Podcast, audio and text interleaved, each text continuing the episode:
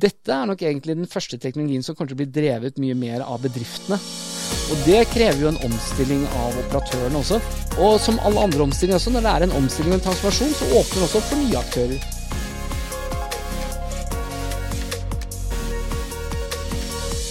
Hei, mitt navn er Merete, og jeg jobber som teknisk sjef i Cisco Norge.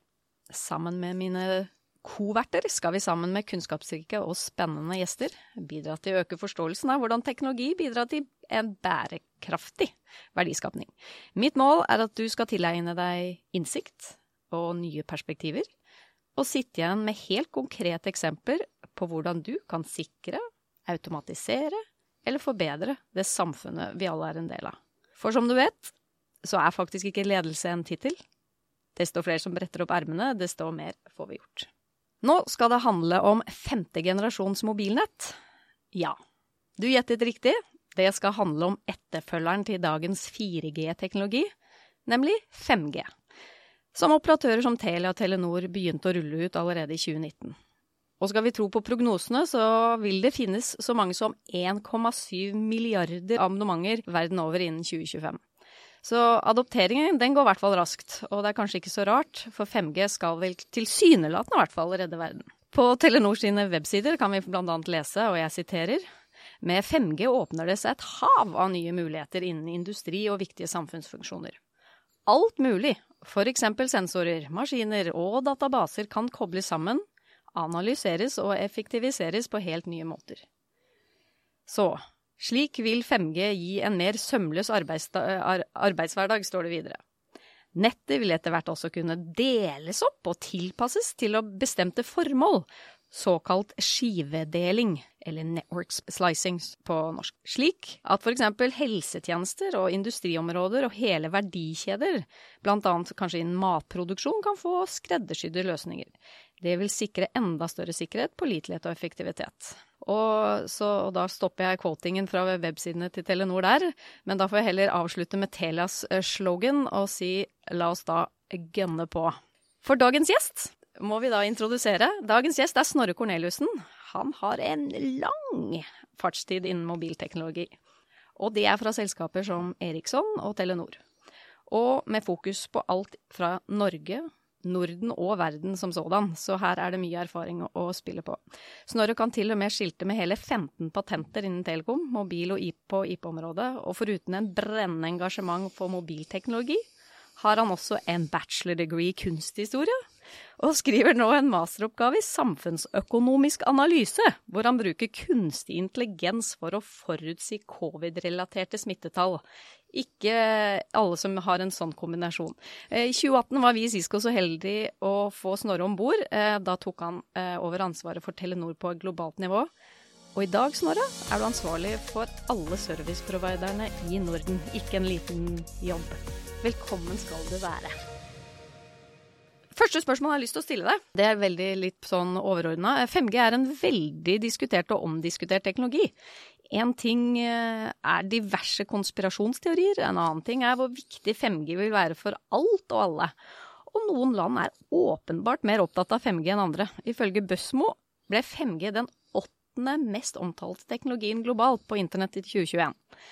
Her til lands havnet derimot 5G-omtalen på andreplass, ifølge Retriever. Så hva tror du det skyldes at Norge har så mye større interesse og debatten med å få 5G, sammenlignet med resten av verden? Eh, ja, Merete. Det er jo eh, Jeg syns det er veldig positivt da, at uh, mobil får så mye omtale i Norge. Det har vært veldig hyggelig å jobbe i den bransjen i såpass mange år. Nå følte jeg meg litt gammel plutselig under den introen. Men uh, da er det jo artig å se at dette er fortsatt et område som er interessant for folk. Uh, det syns jeg er veldig gøy.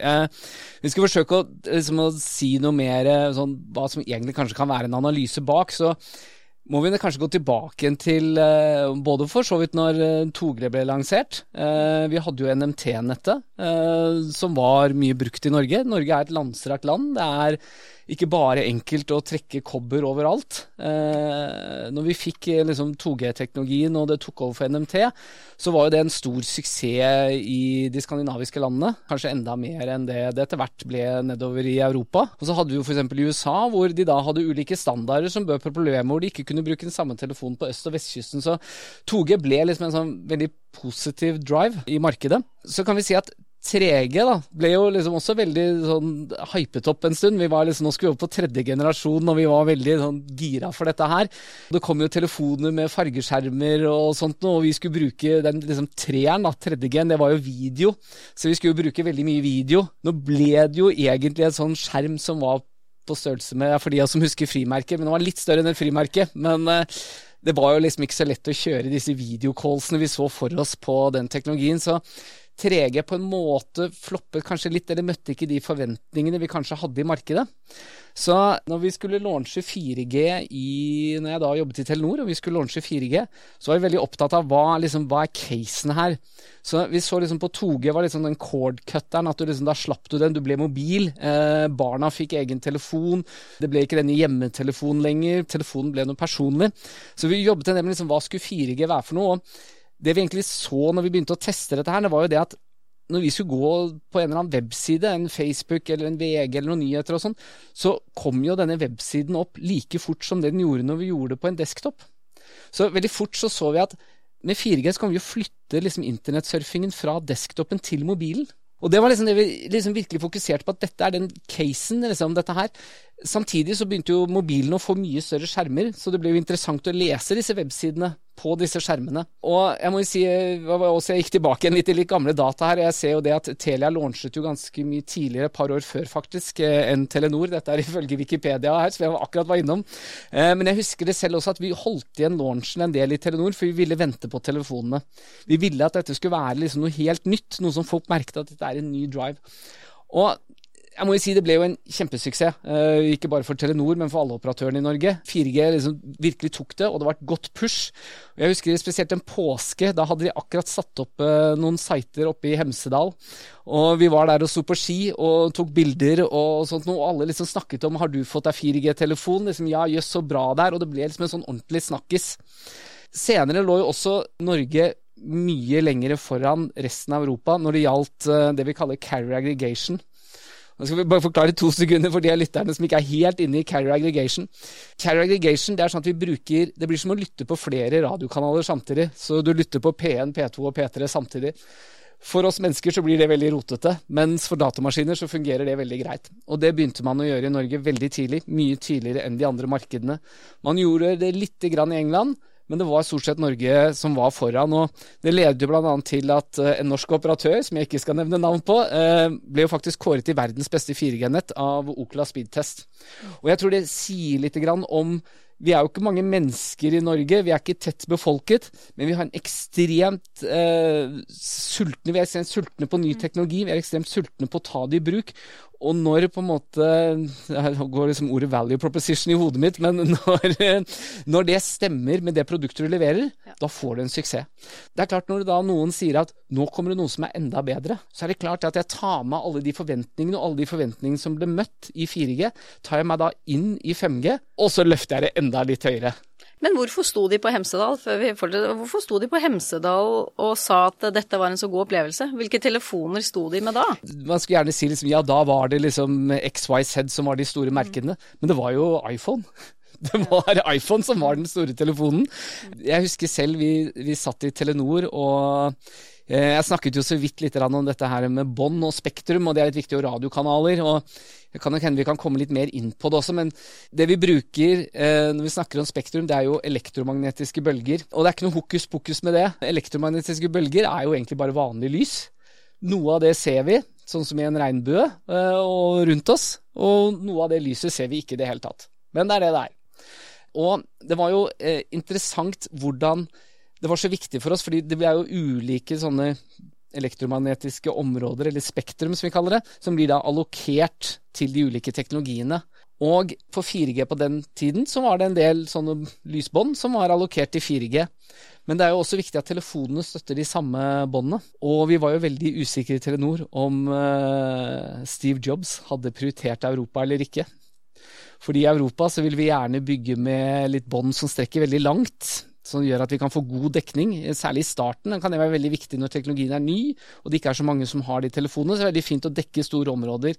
Så vi hadde jo håpet på at uh, vi skulle få et sånt bånd, men uh, i iPhone så kom de med et uh, annet bånd som var kanskje litt mer optimalisert for det amerikanske markedet. Så jeg husker vi måtte snu oss rundt og faktisk gjøre om ganske mye av utbyggingen, basert på um, hva Steve Jobs hadde bestemt seg for borte i San Jose der. Vi satt faktisk med en sånn liten Apple-boks for å se på dette, her, for det ble livestreamet. Vi satt oppe om natten og spiste pizza for å se på dette. her, og Det er jo ganske interessant at du sitter da med milliardinvesteringer, og så er du avhengig av hva en eller annen sjef borte i USA bestemmer seg for i denne telefonen. Men som sagt, det var mye iPhones som var ute da, og de var selvfølgelig morsomme i seg selv, og fine og artige og sånt noe. Men dette her å kunne dele det, og den akkurat den påsken så var det jo strålende vær også. Så det hadde jo ikke vært så godt vær i påsken på årevis. Så vi ville jo alle skryte av hvor fint vi hadde det, og hvor bra det var, og hvor flott det var å være i Norge. Og da hadde faktisk alle operatørene satset på disse feriestedene eh, og få opp 4G-dekningen fort, så at vi kunne glede oss og dele av dette. Det er spennende å høre på deg fortelle, eh, Snorre. Og som du også kjenner til, eh, altså Norge har jo en lang historie når det kommer til mobilteknologi, helt tilbake til Torleif Maseng og si, første generasjon. Da. Og vi snakker jo hele tiden om dette med eh, G-er. Hva er egentlig en G? ja, også et godt spørsmål. Jeg tror nok begrepet dukket jo opp under 3G. Så vi, vi, jo ikke, vi gikk jo ikke rundt og kalte det 2G. Det var noe vi fant på etterpå. Men jeg vil jo si at det er jo en del lærdom her, fordi det kommer jo mye nye teknologier. Og husk at vi på den tiden, og kanskje også litt med, med 3G også, så hadde vi uttrykk som GPRS. UMTS, HSPA, HSPA pluss. Og det er klart, det er noen av de begrepene som ikke er så enkle uh, å lage en sånn uh, entusiasme i befolkningen på. Så å på en måte ha en litt sånn sekkepost for mange ting, tror jeg nok var et veldig smart trekk man gjorde i mobilbransjen. Hvis man skal gå litt dypere, så har det jo ofte vært relatert til nye spektrum som blir gjort tilgjengelig. Det er egentlig det som er Men det, det, trenger egentlig ikke å være det. Man kan godt lage en øh, Nå snakker vi om 5G. Man kan godt lage en 6G som egentlig ikke nødvendigvis trenger å ha noe med spektrum å gjøre, men har med noe andre. Det kommer jo gjerne oppdaterte standarder når det kommer en ny G. Så så er det gjerne en ny standard man må være med. Men det er jo også et interoperabilitet, og det har også vært en veldig fin ting med hele mobilteknologien at når du launcher et nytt nett, så fungerer også de gamle telefonene. Det er ikke noe sånn at alle må bytte det over natten. Og det tror jeg har vært en sånn fin greie. Men som sagt, det har, sånn, henger opp i disse spektrumene og protokollene, men så er det nok litt branding over det hele. Så det, det er med på å rydde litt opp i det. Men da tipper du egentlig litt andre veien. At da blir det som du sier, det blir en, en samling av egentlig mye nye muligheter, teknologier og enighet mellom mobiloperatørene, eh, som gjør at det kanskje blir litt utydelig da, hva, hva er igjen forskjellen mellom 4 og, og 5G. Og jeg, jeg, har lyst til å si at jeg var jo med i store deler av 4G-æraen og arbeidet bl.a. med deg i Telenor da. og jeg vil bare bekrefte at dere var utrolig fokusert på det med å tune denne Ferrari-motoren og få til den der hastigheten som gjorde at du fikk den virkelig gode opplevelsen på 4G. Der var dere verdensklasse, og dere imponerte mange internasjonalt i, i Cisco der. Men nå går vi da fra 4G til 5G. Hvilke bruksområder er det som nå åpner seg opp, og, og hvorfor er det 5G som, som muliggjør det? Bra spørsmål. Liksom, hva, hva, er nytt med 5G? Hva, liksom, what's new? Eh, og eh, jeg kan jo gå igjennom eh, liksom, hva er det som er nytt. Og det er jo litt som du sier, eh, en del ting som egentlig har vært der og vært tilgjengelig, som man nå putter på en måte litt inn i denne 5G-bøtta, men som for så vidt kunne vært realisert tidligere også. Mye jeg sa at vi liksom flyttet surfingen over til mobilene på 4G. Eh, jeg husker jo disse Blackberry-telefonene på 3G. Vi begynte jo å gjøre mail, og det begynte jo å bli ganske effektivt. Så vi kunne liksom få til en form. Så det har jo vært sånne glidende overganger. Jeg nevnte jo dette med spektrum, disse elektromagnetiske bølgene. Og nå er det jo ingen av dere som ser, for jeg liker ofte å vise dette med hendene, da. men det er jo to ting som gjelder. Hvor mye spektrum og hvor bredt dette spektrum er. Det som er, er at når vi launchet 2G, så fikk man liksom et sånt bånd, et sånt eh, 10 MHz-bånd, eh, og det lå da rundt 900-båndet. Eh, så det betyr liksom at noen fikk fra 880 til 890, noen fikk fra 890 til 900, og noen fikk fra 900 til 910. Da har du liksom tre operatører. Uh, for de kan jo ikke ligge oppå hverandre. Uh, så ble det jo så stor suksess, så man fikk jo da også dette 1800-båndet, som man brukte for, da, for fortetning på 2G. Så kom jo 4G, og da, nei 3G, og da fikk vi jo dette 2100-båndet eh, i tillegg på 3G. Så kom jo 4G, og nå begynte det å bli ordentlig gøy. Da fikk vi 2,6, eller 2600, som er da et enda høyere bånd. Eh, vi fikk 800-båndet. Eh, som er et lavere bånd. Vi fikk også begynt å bruke også 1800-båndet, som vi allerede hadde for 2G, men vi kunne bruke det for 4G også. Og da kom vi tilbake til dette carrier aggregation, for da la vi disse båndene sammen, og først kjørte 4G på alt sammen. Det er jo derfor noen av dere kanskje har lest at Telenor og andre bygger ned 3G-nettet. Det man egentlig gjør, er at man egentlig bare bruker dette 3G-spektrumet til 4G og 5G, og kanskje da spesielt til 5G også. Så dette er jo ikke stopp bare der. Uh, I 5G så er det uendelig mye mer spektrum som har blitt gjort tilgjengelig. Regulatører over hele verden har jobbet med å rydde opp i spektrumbåndene. Du må huske at dette har jo vært brukt til garasjeåpnere, dette har vært brukt til babycalls, dette har vært brukt til mye eh, over tid, og her må det ryddes opp. Eh, jeg vil ikke gå inn i denne DAB-diskusjonen om det var en god beslutning eller ikke, men sett fra et mobiloperatørsperspektiv så var det jo kjempebra, for nå fikk vi jo da tilgjengeliggjort veldig mye bånd som tidligere var brukt for radio. Så hvorfor er det så viktig med mye spektrum? Jo, fordi jo mer spektrum du har, jo mer hastighet får du. Det er én-til-én proporsjonalt. Mer spektrum gir mer hastighet. Så det som er nytt med 5G, er jo at vi kan få opptil 1000 ganger hastigheten av det vi kan ha på 4G. Så det er jo en helt annen hastighet, men det er fordi det er blitt gjort tilgjengelig mer bånd. Det er ikke noe på en måte i teknologien i seg selv nødvendigvis, det er bare at det er gitt flere naturressurser tilgjengelig til 5G-teknologi. Og mer hastighet, det kan føre til mye gøy. I tillegg så snakker man i 5G om at uh, forsinkelsen skal bli en helt annen. Det var jo det vi så på 4G også, når vi fikk uh, så hvordan det var å surfe. For tidligere på 3G så trykket vi liksom på vg.no, og ikke bare hadde vi en skjerm som kanskje ikke var så veldig stor, men i tillegg så tok det ganske lang tid, så det ble ganske uaktuelt å sitte og bruke dette som et alternativ til desktopen. Forsinkelsen på 4G var jo noe helt annet. Da dukket jo websiden opp med en gang, mens du fortsatt hadde lyst til å lese nyhetene, ikke litt senere utpå ettermiddagen. Så forsinkelse er jo en lovnad i 5G. Man har snakket om helt ned til ett millisekunders delay som maksimum. Det åpner jo en helt uh, sett av nye caser. Jeg, jeg, leser at gaming blir nevnt fra tid til annen. Greit nok, men eh, jeg vil også tro at ting som eh, distant surgery, remote surgery Altså du begynner å komme inn på områder hvor du kan begynne å gjøre ting som faktisk kan forandre store yrkesgrupper også, hvordan vi gjør ting i dag, basert på forsinkelse. Merete, du nevnte slicing. Mm, eh, du hadde et fint norsk ord på det. Ja, du, det ordet må jeg innrømme at det var tydelig. Det er sånn som står på kun på Wikipedia, for vi kaller det network men skivedeling på norsk, da? Skivedeling, ja, men da skal vi introdusere det.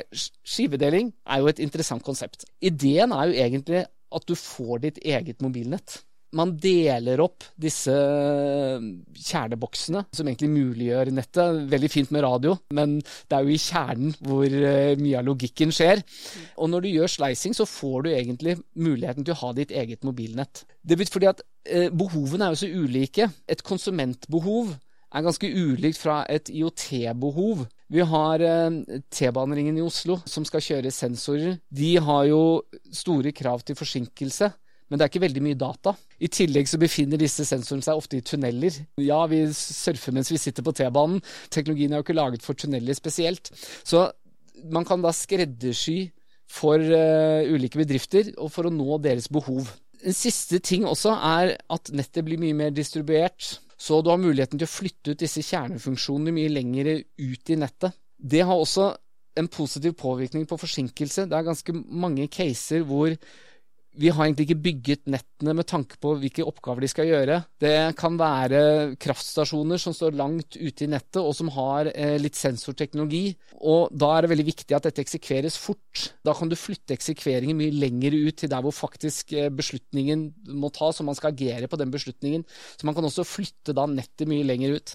Så høyere hastighet, lavere delay, Network slicing, lag ditt eget nett. Og sist, men ikke minst, dette kan flyttes ut, og du kan få da en mye mer distribuert eh, eksekvering av eh, og på en måte agering på de dataene som kommer inn. Da må, jeg, da må, jeg, spørre, det er jo da disse trafostasjonene som kanskje ikke har fiber i dag, da, hvor 5G kanskje blir en mer interessant teknologi, eller vil du si at du, er det noen steder du ville byttet til 5G og ser det som en fordel over andre aksessmetoder? For å starte i en litt annen ende av det spørsmålet jeg jo, var driftsleder eh, lenge i Telenor, og har jo hatt min fair share av kobberproblematikk eh, gjennom årene. Det var en ganske stor glede når vi begynte å rulle ut fiber i mye større grad. Det er en mer robust teknologi, det er mindre værutsatt og sånn, så det er klart feilraten for fysiske på, på fiber i forhold til kobber eh, er ganske stor. Men det er jo fortsatt en kabel, da. Eh, jeg husker vi hadde en gang en fiber som var ute på en uh, molo eh, i en bygd ute i Norge. Eh, og den hadde en tendens til å brenne opp eh, hver 25. juni. Hva brant opp, sa du? Fiberen. Fiberen, ja. Og vi var litt usikre på hvorfor, egentlig, og hvorfor det skjedde på samme dag hvert år. Helt til vi fant ut at det var der den bygda hadde sankt, sankthansbålet sitt. Da skjønte vi jo det når vi så hvor fiberen lå. Så den smelta hvert år. Så da måtte vi prate med de og si at kan dere være så snill liksom enten brenne et annet sted, eller så må vi komme og legge fiberen vår et annet sted. Eh, for dette funker ikke. Vi kan ikke fikse den her hvert år. Og det er nok noe av det at det er et praktisk ting ved å være wireless du unngår disse problemstillingene.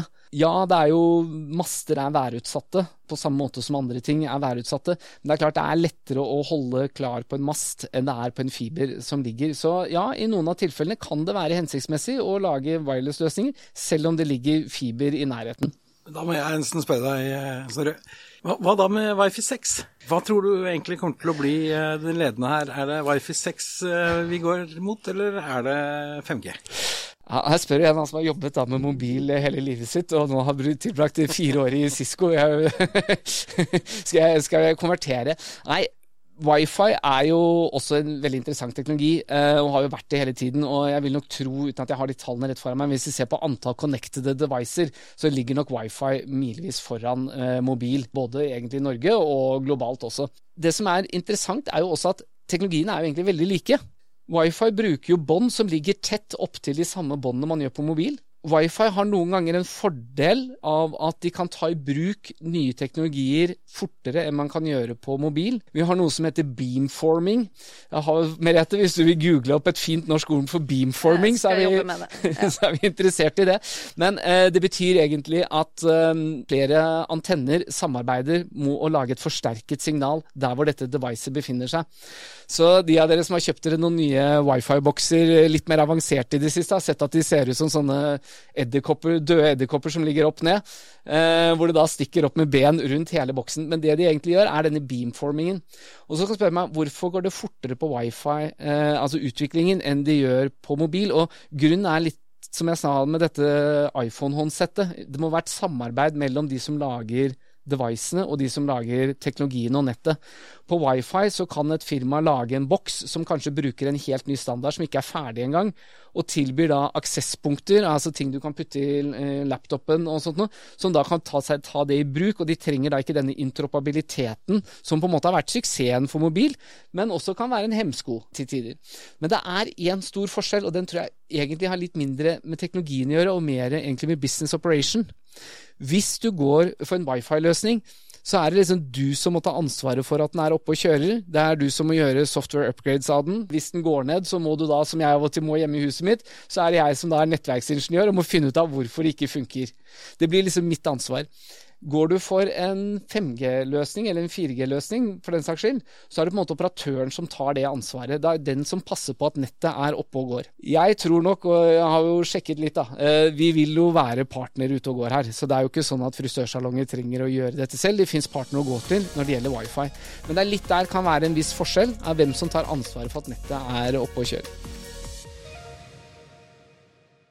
Altså, du nevnte dette med skivedeling, og at 5G eh, nå rigges jo slik at du kan potensielt fasilitere private 5G-nett. Eh, Så det som tidligere har vært forbeholdt liksom, mobiloperatørleverte tjenester, kan jo nå tas inn, og f.eks. et industriområde eller eh, en stor aktør kan jo bygge sin private skive da, i en sånn skivedelt mm. modell.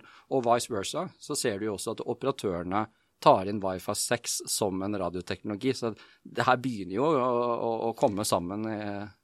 Ja, i veldig stor grad, egentlig. Og Wifi har jo vært den dominerende teknologien på, i bedriftsmarkedet. Altså For å løse bedriftscaser så har jo wifi vært det, og nå på en måte beveger 5G seg inn i det området også, og må da Uh, og det er, som du sier, pga. denne ja, Vanskelig ikke si slicing, altså. Men denne skivedelingen uh, muliggjør på en måte at du kan bygge ditt eget nett. Uh, det er klart Med wifi så står du jo helt fritt til å bygge akkurat det du vil. Det er jo ditt nett, så du trenger ikke noe spesiell støtte for operatøren der. Der bygger du det for akkurat for den casen du skal løse, eller der hvor du ser disse forretningsmulighetene.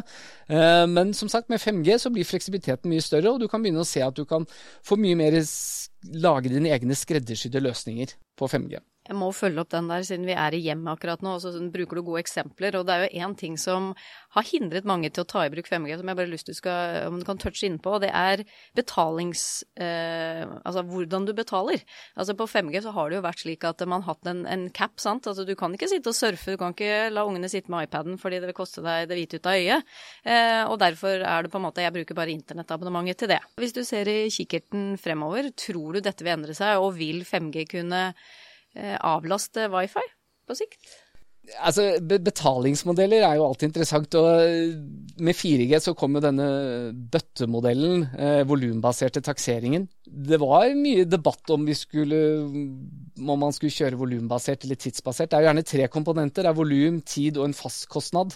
Nå var vel Særlig på fasttelefoni så ble den fastkostnaddelen veldig høy etter hvert. Eh, og kanskje eh, mer enn den volumbaserte det var jo interessant, og vi hadde jo egentlig i Norge en hybridmodell en stund, hvor det var både en bøtte og en tidsbasert som da gikk på tale. Men så begynte jo konkurransen fra applikasjoner som også kunne gjøre tale å bli så høy, så etter hvert så ble det egentlig ikke noe poeng å begynne å ta betalt for taleminuttene eh, i mobilnettet. Eh, og man ble da bare eh, bucket pricing, som vi så fint kaller det på norsk, bøtteprising, som, som ble den gjeldende. Det har jo hele tiden vært et press, for det er klart, man vil jo gjerne løse konsumentproblemer. Og det er klart at det er jo et konsumentproblem at man må passe på bruken av data.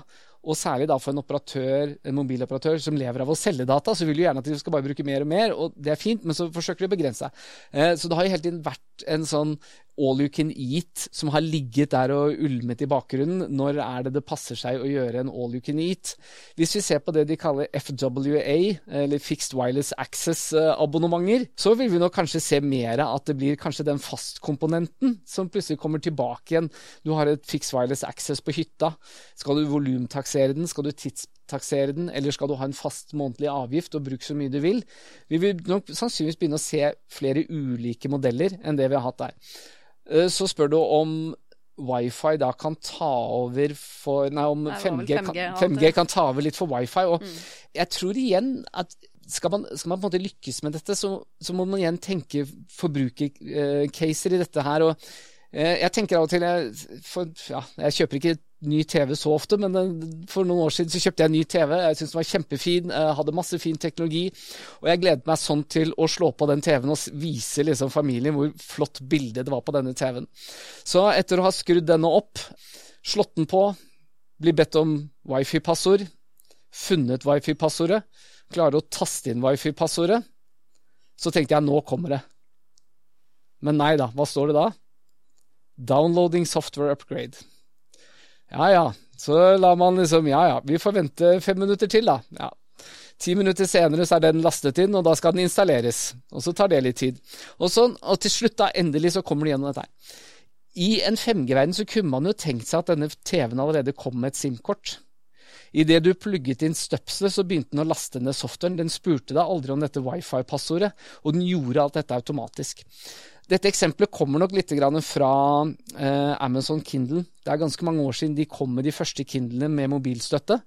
Og vi var litt overrasket i, da i Telenor, så jeg tenkte liksom ja, hvordan har de gjort det da? Vi har jo ikke hørt noe fra Amazon Kindle, liksom. De har ikke pratet med oss. Og så Vi løp jo og kjøpte disse her så fort vi kunne, og forsto da fort at de inneholdt en ATNT-SIM. Så det var egentlig en helt vanlig SIM-avtale med roaming, hvor ATNT betalte det. Men kunden la jo aldri merke det. Det var jo en del av abonnementet. Så jeg tror nok vi vil se mange ulike betalingsmodeller for 5G. Og noen ganger så vil forbrukeren ikke tenke på at dette faktisk ligger en 5G-tjeneste bak, som noen betaler for, men det er en del av en subscription-modell, eller en del av det du har betalt for produktet. Ja, for da, da begynner du å touche på noe som jeg syns er meget interessant. og det, Du sa jo tidligere at eh, med mobilteknologi så hører det også med noen standard og en enighet mellom flere operatører og på tvers av landegrenser og verdensdeler om uh, hvordan dette skal bygges ut og tilgjengeliggjøres, og dermed hvordan man kan koble seg på. Og Spesielt for de aktørene som tilbyr produkter da, som blir flyttet frem og tilbake uh, over verden. Og La oss f.eks. ta bilindustrien.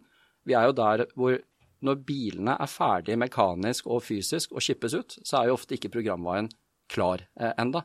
Eh, så man legger opp til at mens man begynner å, å, å flytte bilene ut eh, til eh, den endelige kjøperen og brukeren, først da pusher man softwaren gjennom f.eks. mobilnettene. Så det åpner seg jo noen muligheter her å tenke annerledes i, i også da timing i hvordan man tilgjengeliggjør ja. nye produkter. Da. Absolutt, og her må jeg si liksom EU skal få litt skryt også. fordi det er jo ett problem når du skal gå globalt med mobilteknologien også. Dette er jo roamingpriser. Dvs. Si disse prisene som operatørene betaler seg imellom for å la andre kjøre trafikk i sitt nett. Og her var jo EU ganske tidlig, ja, ja tidlig og tidlig, men de var ute og regulerte det markedet eh, ganske kraftig eh, for noen år siden. Vi syns jo ikke det var noe gøy når du er operatør, men man måtte jo forholde seg til det. Og jeg tror det egentlig det er ganske fint, fordi hvis det var veldig vanskelig å flytte ting mellom europeiske land, så vil jo Europa ta, tape mye i konkurranse mot USA hvor det da, etter de fikk ordnings på disse standardene sine og fikk da en 4G-teknologi over hele USA, så ville jo på en måte det være en hemsko for eh, europeiske produktleverandører at det ville være slik. Så her ser du også hvordan regulering og markedet og egentlig geopolitikk da kommer sammen.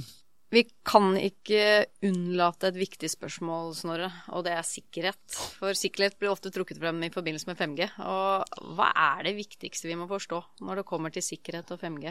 Ja. Og kan du sammenligne det med andre teknologier, sånn at vi har noe å sammenligne med? For det er ofte at det, ja, det, blir for uh, mobilspesifikt. Man blir jo ofte litt stille da, når man skal prate om sikkerhet og, og, og 5G. Da blir det ofte sånn. Fordi sikkerhet og fleksibilitet, det for å bruke noen statistikker her, det korrelerer jo én til én. Jo mer fleksibelt du vil ha det, jo mer sikkerhet trenger du.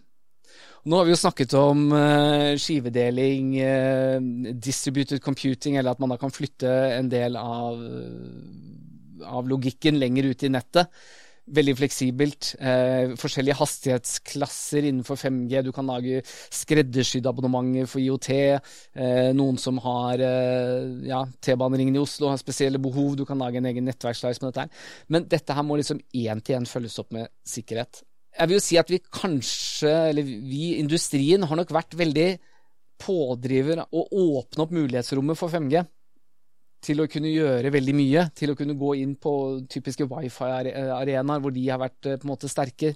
Til å samtidig liksom gjøre et mer spennende, høyere hastighet til konsumenter. Og så har, hvis man skal ta litt kritikk her, så har nok ikke sikkerheten eh, liksom vært like i førersetet. Og det som er viktig med sikkerhet, er at du, når du tenker nytt, så må du tenke sikkerhet samtidig. Det er ikke noe du legger på etterpå.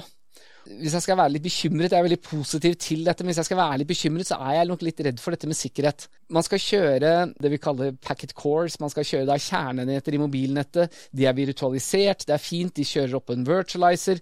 Denne virtualizeren kan ofte være en open source eh, kildekode. Det var ikke sånn før. Da lagde vi egne bokser som kjørte på egne operativsystemer, låst inn i egne rom, hvor du måtte ha flere adgangskort for å komme inn. Det var ikke hvem som helst som kunne få lov til å styre rundt med det. Og det med sikkerhet er, og at vi kjører på open source, liksom én ting, det er noe som er enklere å angripe enn noe som er eh, Og det er sikkert noen som kan være litt uenig med meg, men når du ser kildekoden, så er det lettere å finne hullene. Når du vet oppskriften, så er det ofte litt enklere å forbedre den eller finne ut av hvor uh, utfordringene ligger hen. Så er det også at dette blir flyttet ut, at det blir distribuert utover i nettet, er jo også et faremoment. Fordi det gjør jo det at tilgangen til dette nettet blir jo mer åpent. Og så er det en siste ting også, som egentlig er veldig fint, og det er det at i 5G så går vi egentlig bort fra protokoller, men vi bruker API-er isteden. Så du gjør API-kall, og det er veldig fint, og det er veldig fint for den interoperabiliteten vi har snakket om også, for det er veldig mye interoperabilitetsproblematikk som egentlig består av hvordan du tolker standarden.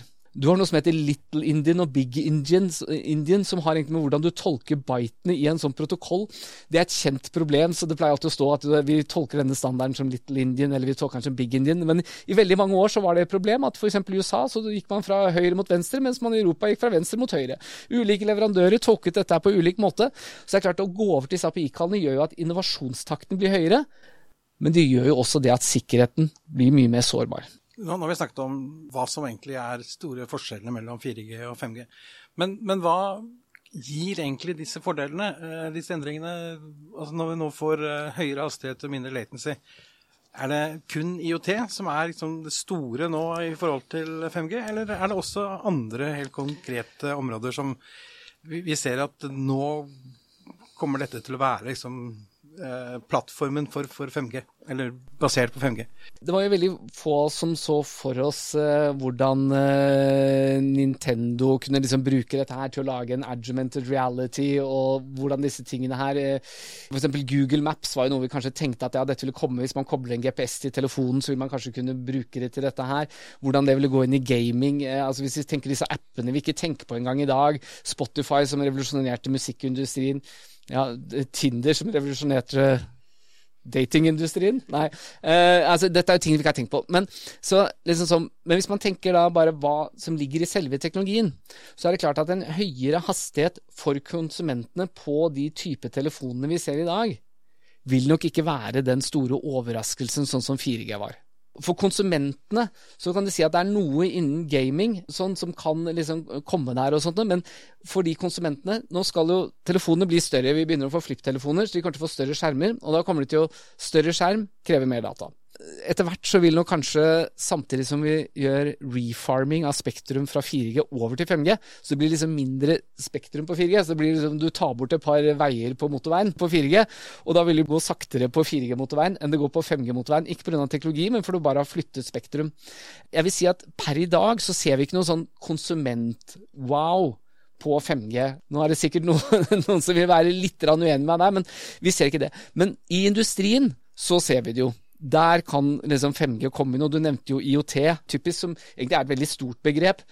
Jeg vil jo si at 5G også, det heter jo fortsatt mobilnett. Så det er klart, ting som er i bevegelse, er det jo veldig fordel for. Kanskje litt tilbake til wifi 5G-diskusjonen også. altså Ting som beveger seg over en viss avstand, vil jo ha en mye mer vil Kanskje ikke wifi være et alternativ. Trailere som raser over landet vårt og leverer mat uh, til de, uh, de steder lengst mulig unna og sånt, vil jo på en måte 5G være mye, mye bedre teknologi å løse det problemet enn å tro at vi lager noe landsdekkende wifi-nett. Ja, så det jeg hørte sier er, hvis du skal flytte noe i utgangspunktet mellom det som hadde vært to wifi-nett, uh, eller Eh, når du først har noe som beveger seg og trenger noe mye raskere, eh, eller du må skive deg, vel, da begynner det å trigge liksom behovet eh, for 5G. Men det å høre mellom linjene her, Snorre, det, det, høres jo ut som dette i seg selv er en liten digitalisering eller digital transformasjonsreise for mobiloperatørene eller telekom-aktørene. Og du beskriver jo nå mange aspekter som sier er premissene deres, da, enten teknologiske eller markedsmessige eller regulatorisk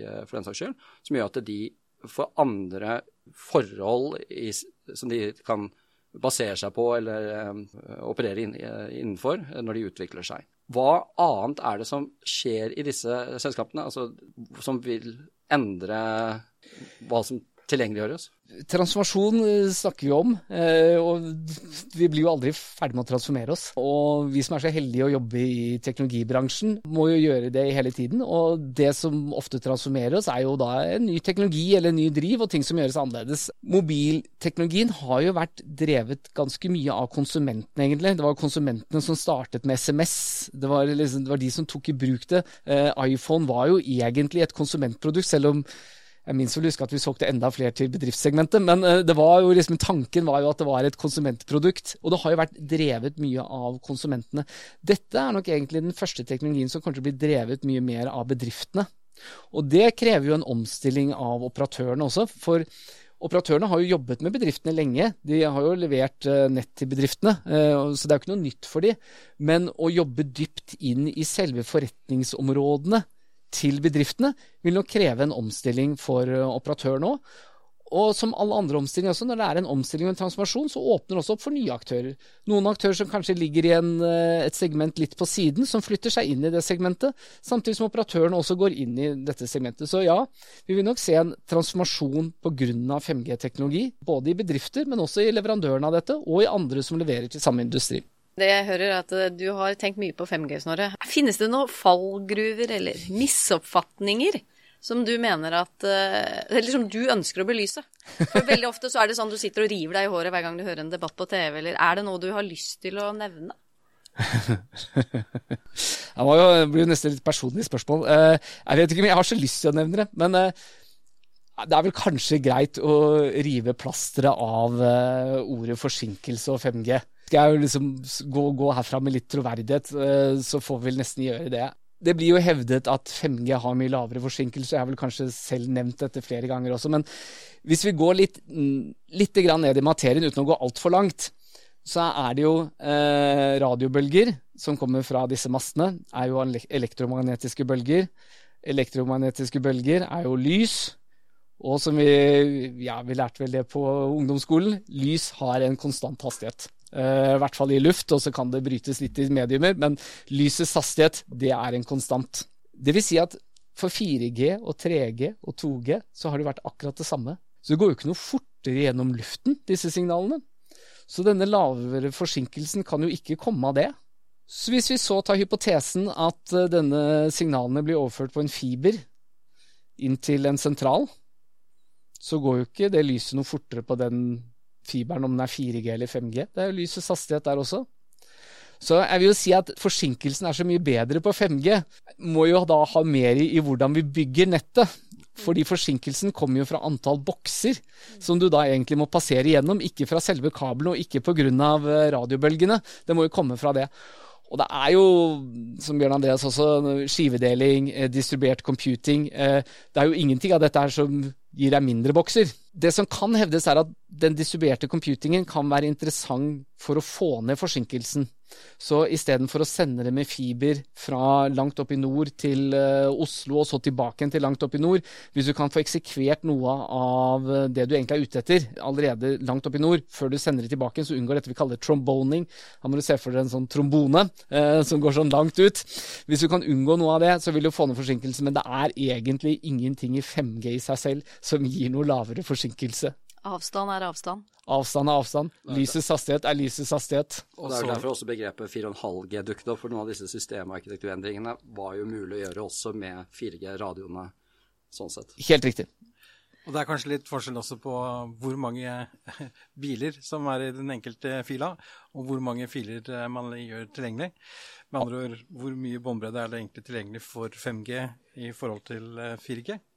Ja, eh, men det er jo det er særlig i starten. Vi snakket om dette carry aggregation, at du sier vi hører på flere radiokanaler samtidig. og det er klart at Når vi pusher 5G og sier at det har så mye høyere hastighet, og så har vi egentlig ikke så mye mer spektrum, vi har faktisk mer spektrum på 4G, så er det jo et liten utfordring. Eh, men her har man vært litt flinke, da, at man har justert litt på det, så man passer på at 5G på en måte også for forbrukeren i starten virker som det har mye mer hastighet. men som du sier, det er jo også fordi det er ikke så mange biler i, på den veien, og derfor så får du veldig mye av hastigheten. Men på sikt så er det allokert mer spektrum til 5G nær til 4G, og her er det bare opp til eh, Nkom eh, og andre regulatører å frigjøre dette spektrum gjennom spektrumauksjoner.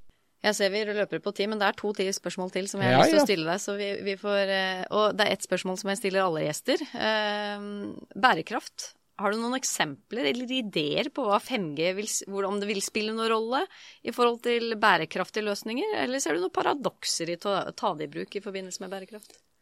Uh, ja, det, det, er et ganske stort spørsmål. Og, og uh, hadde det vært noen åpenbare caser i 5G som hadde gjort uh, vært ekstremt bærekraftige, så tror jeg nok vi allerede hadde implementert de. Nettet er lansert, så, så jeg vil ikke si at liksom i seg selv at det ligger noe som er helt sånn åpenbart mye bedre. Men vi får jo liksom gå litt lengre enn det. og så det er, det er ikke noen sånne vindmøllecaser liksom, som ligger der eh, helt sånn eh, ja, som, du, som du digger og drømmer om om natten? Jeg husker vi, vi, vi, har faktisk sett på det en gang. Jeg har sittet og regnet på det. Dessverre så måtte å sette en sånn vindmølle på toppen av disse mastene var ikke noe god idé. Da ville de begynne å løfte seg oppover som helikoptre, og da måtte vi fundamentere de bedre, så det var ingen god idé.